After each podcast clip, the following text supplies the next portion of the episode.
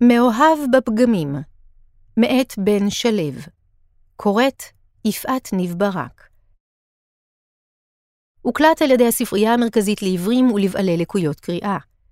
עריכה טכנית, שלומי גילר. באמצע השיר החדש, בתוך הלוויתן, בוקעת שוועה יהודית מגרונו של אסף עדן, שמקליט ומופיע תחת השם רייסקינדר, מין בו בו בוי בוי בוי חסידי. צרורות דגושים של השתפכות הנפש על סינתסייזר גלמוד ורשרושי percussion. מאוד הפתיע אותי שזה יצא ממני, אומר עדן. ראיתי ראיון ביוטיוב עם הזמר הסקוטי דונובן. הוא אמר שלדעתו הסיבה לכך שרוב להקות הרוק הגדולות הן מאנגליה, היא שהאנגלים לקחו את הרוקנרול של האמריקאים וחיברו אותו, בלי שהם ידעו שהם עושים את זה, לאיזו מסורת שירה קלטית. החיבור הלא מודע הזה עשה את הפיצוץ. משהו כמעט גנטי. ואתה מזהה תהליך דומה אצלך? כן. לא התחזקתי או משהו, פשוט הרגשתי שאני מכיל בתוכי הרבה אינפורמציה שאני לא מודע לה. מטענים מלפני שנולדתי. אמרת יהודי. אולי זה שם, אני לא יודע. בכלל, מאז שהתחלתי ליצור מוזיקה, היא לא מפסיקה להפתיע אותי, ואני נורא אוהב את זה. יוצאים דברים שאתה אומר, וואו, מאיפה זה הגיע? הבוי בוי בוי של בתוך הלוויתן, שהוא השיר השישי באלבומו החדש של רייסקינדר, אומץ הומלס, הפתיע כאמור את עדן, אבל הוא לא בא משום מקום. הוא קשור למסיבות החיים והיצירה של עדן בשנים האחרונות, ובעיקר לעובדה שהוא מתגורר בברלין ומופיע בעיקר באירופה. בברלין, הוא אומר, הקהל שלו מורכב ממספר דומה של גרמנים ושל מהגרים ישראלים. אבל במקומות אחרים באירופה אני מופיע רק מול גויים. אומר עדן, מצחקק לנוכח המילה גויים שיצאה ממנו, אבל מיד אומר אותה שוב. כשאתה שר מול גויים אתה שר אחרת. הם לא מבינים את המילים. מה שיוצא ממך הוא אך ורק ברמת הרגש הגולמי. זה גורם לשירה להיות אחרת. שוועת היהודי הנודד נוכחת גם בטקסט. אתה יכול להבין מה זרק אותך אל יונה הנביא? זה יונה? אומר עדן, ולא ברור אם הוא רציני או צוחק. אה, כן, יונה הנביא. אני לא יודע איך לענות על השאלה הזאת. אני יכול לנחש בדיוק כמוך. באמצע העשור הקודם, אחרי שהוציא את האלבום "משהו אחר קרה", רייסקינדר התחיל לצאת לסיבובי הופעות באירופה. זה היה גילוי חשוב מבחינתו. במידה מסוימת הבינו אותי שם יותר טוב מאשר בישראל. הבינו מה אני עושה, את הגישה שלי, את הסאונדים שלי, הוא אומר. זה נשמע פרדוקסלי, אתה יוצא רק בעברית. נכון, אבל המוזיקה שלי נוצרת ממקום של ריאקציה, אנרגיה של לעשות דווקא. לא רוצה להגיד fuck the system, כי זאת קלישאה, ואת זה מאוד הבינו באירופה. בישראל היה לי קשה עם זה.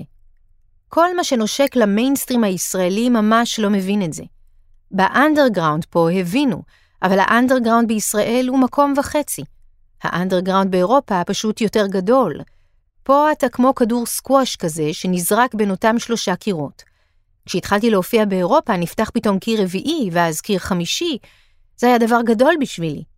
אני לא יודע אם הייתי ממשיך לעשות מוזיקה אם לא היה לי הצוהר הזה. השלב הבא, אחרי סיבובי ההופעות באירופה, היה לעבור לחיות שם.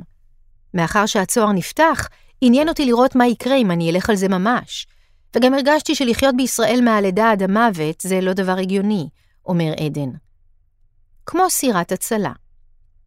עדן, יליד 1983, החל את דרכו הרוקנרולית באמצע העשור הראשון של האלף החדש, אחרי השירות הצבאי הוא היה הסולן של להקת הפאנק הירושלמית, אשכרה מתים. את האלבום הראשון, תחת השם רייסקינדר, שחתך מהגיטרות הדוקרניות של אשכרה מתים לסאונד אלקטרוני שמופק עם סמפלר, הוא הוציא בשנת 2008, ולקראת סוף העשור שעבר הוא עבר לברלין עם בת זוגו. זמן לא רב לאחר מכן התחילה הקורונה. באחד השירים באלבום החדש, עדן שר שוב ושוב. המוזיקה היא זו שמחליטה. זאת מנטרה שהוא מאמין בה בכל ליבו. אבל ב-2020 הנגיף השתיק את המוזיקה.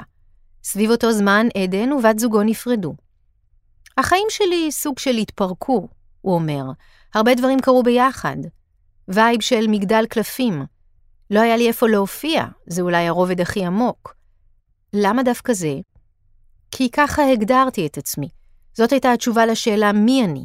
לא הייתה לי תשובה אחרת. וזה נשמט לי מתחת לרגליים. במקביל, מערכת היחסים שלי נגמרה, מה שאומר שלא היה לי איפה לגור, לא יכולתי לחזור לישראל, לא היה לי בר לשבת בו. סוג של לא היה לי כלום. זה לא שהגעתי לחרפת רעב, גיליתי את החברים שלי, גיליתי מי החברים שלי, אבל זה היה רגע מאוד קשה. ריסטארט כואב.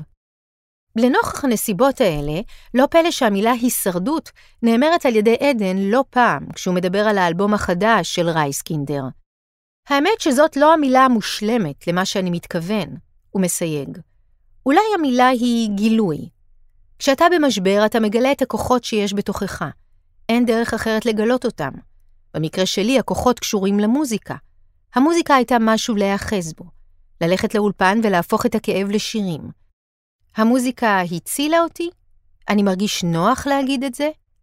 מאחר שסימן השאלה השני היה הרבה פחות מובהק מהראשון, חצי סימן שאלה, חצי נקודה, נדמה שכן.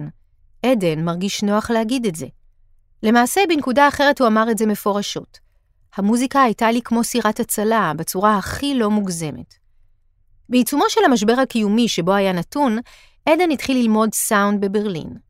הייתי עלה נידף והייתי צריך מסגרת, הוא אומר. ובכל זאת, מפתיע לשמוע שמוזיקאי שמזוהה לחלוטין עם דוקטרינת הלואו-פיי, ושהשירים שלו משמיעים על פי רוב צליל של צעצועים שבורים בחצר גרוטאות, בוחר ללמוד סאונד במוסד אירופי מסודר ומתוקנן, ועוד מידיו של מי שהיה אחד ממפיקי Get the Party Started של פינק. זה שרציתי לדעת איך לשלוט בסאונד, זה לא אומר שאני רוצה אותו מלוטש, אומר עדן. חוץ מזה, תמיד התעניינתי בפופ, באסתטיקה של פופ. תמיד פלירטטתי עם זה. ומשהו מזה חלחל לאלבום החדש? אני חושב שכן. מוזיקת פופ אמורה להיות ב balance מבחינת תדרים. במוזיקה שעשיתי לאורך השנים הרבה פעמים זרקתי את ה balance מהחלון. סדר העדיפויות שלי היה אחר. אולי פחדתי שהבלנס ידלל את הביטוי העצמי, וגם לא ידעתי איך עושים את זה. אני חושב שבאלבום החדש יש רגעים שבהם יש את הבלנס הזה, וגם יש רגעים שהם מוזיקליים יותר ממה שעשיתי עד היום. לתת למוזיקה לדבר. לא לשיר כל הזמן, לתת למוזיקה לבטא את מה שאני רוצה לבטא. אפשר לשמוע באלבום החדש את האיזון שעליו עדן מדבר, בעיקר בגזרת הקצב, שנוטה להיות יותר מיושר מאשר באלבומיו הקודמים של רייסקינדר, אבל בו בזמן אסתטיקת חצר הגרוטאות נוכחת מאוד באומץ הומלס. הצליל עקמומי ושרוט, השירה הרחוקה מלהיות תקנית. באחד השירים, מה יהיה, עדן אפילו חוטא בזיוף שנשמע מכוון ומוצהר. כששאלתי אותו מדוע בחר לזייף בשיר הזה, הוא חייך ואמר, אני חושב שנשאר מאוד יפה בשיר הזה. אז לא זייפת בכוונה? זה לא היה ביטוי אומנותי? אולי השאלה היא איך מגדירים זיוף. אם האוזן שומעת זיוף, אז זה זיוף. בעיניי, אם זה כן, זה לא זיוף. ואם אני קולע על התו הנכון ומבחינה רגשית אני עוף, זה זיוף. כשאני שומע מוזיקה שהכל בה יושב כמו שצריך, אבל אני לא מרגיש כלום, זה זיוף.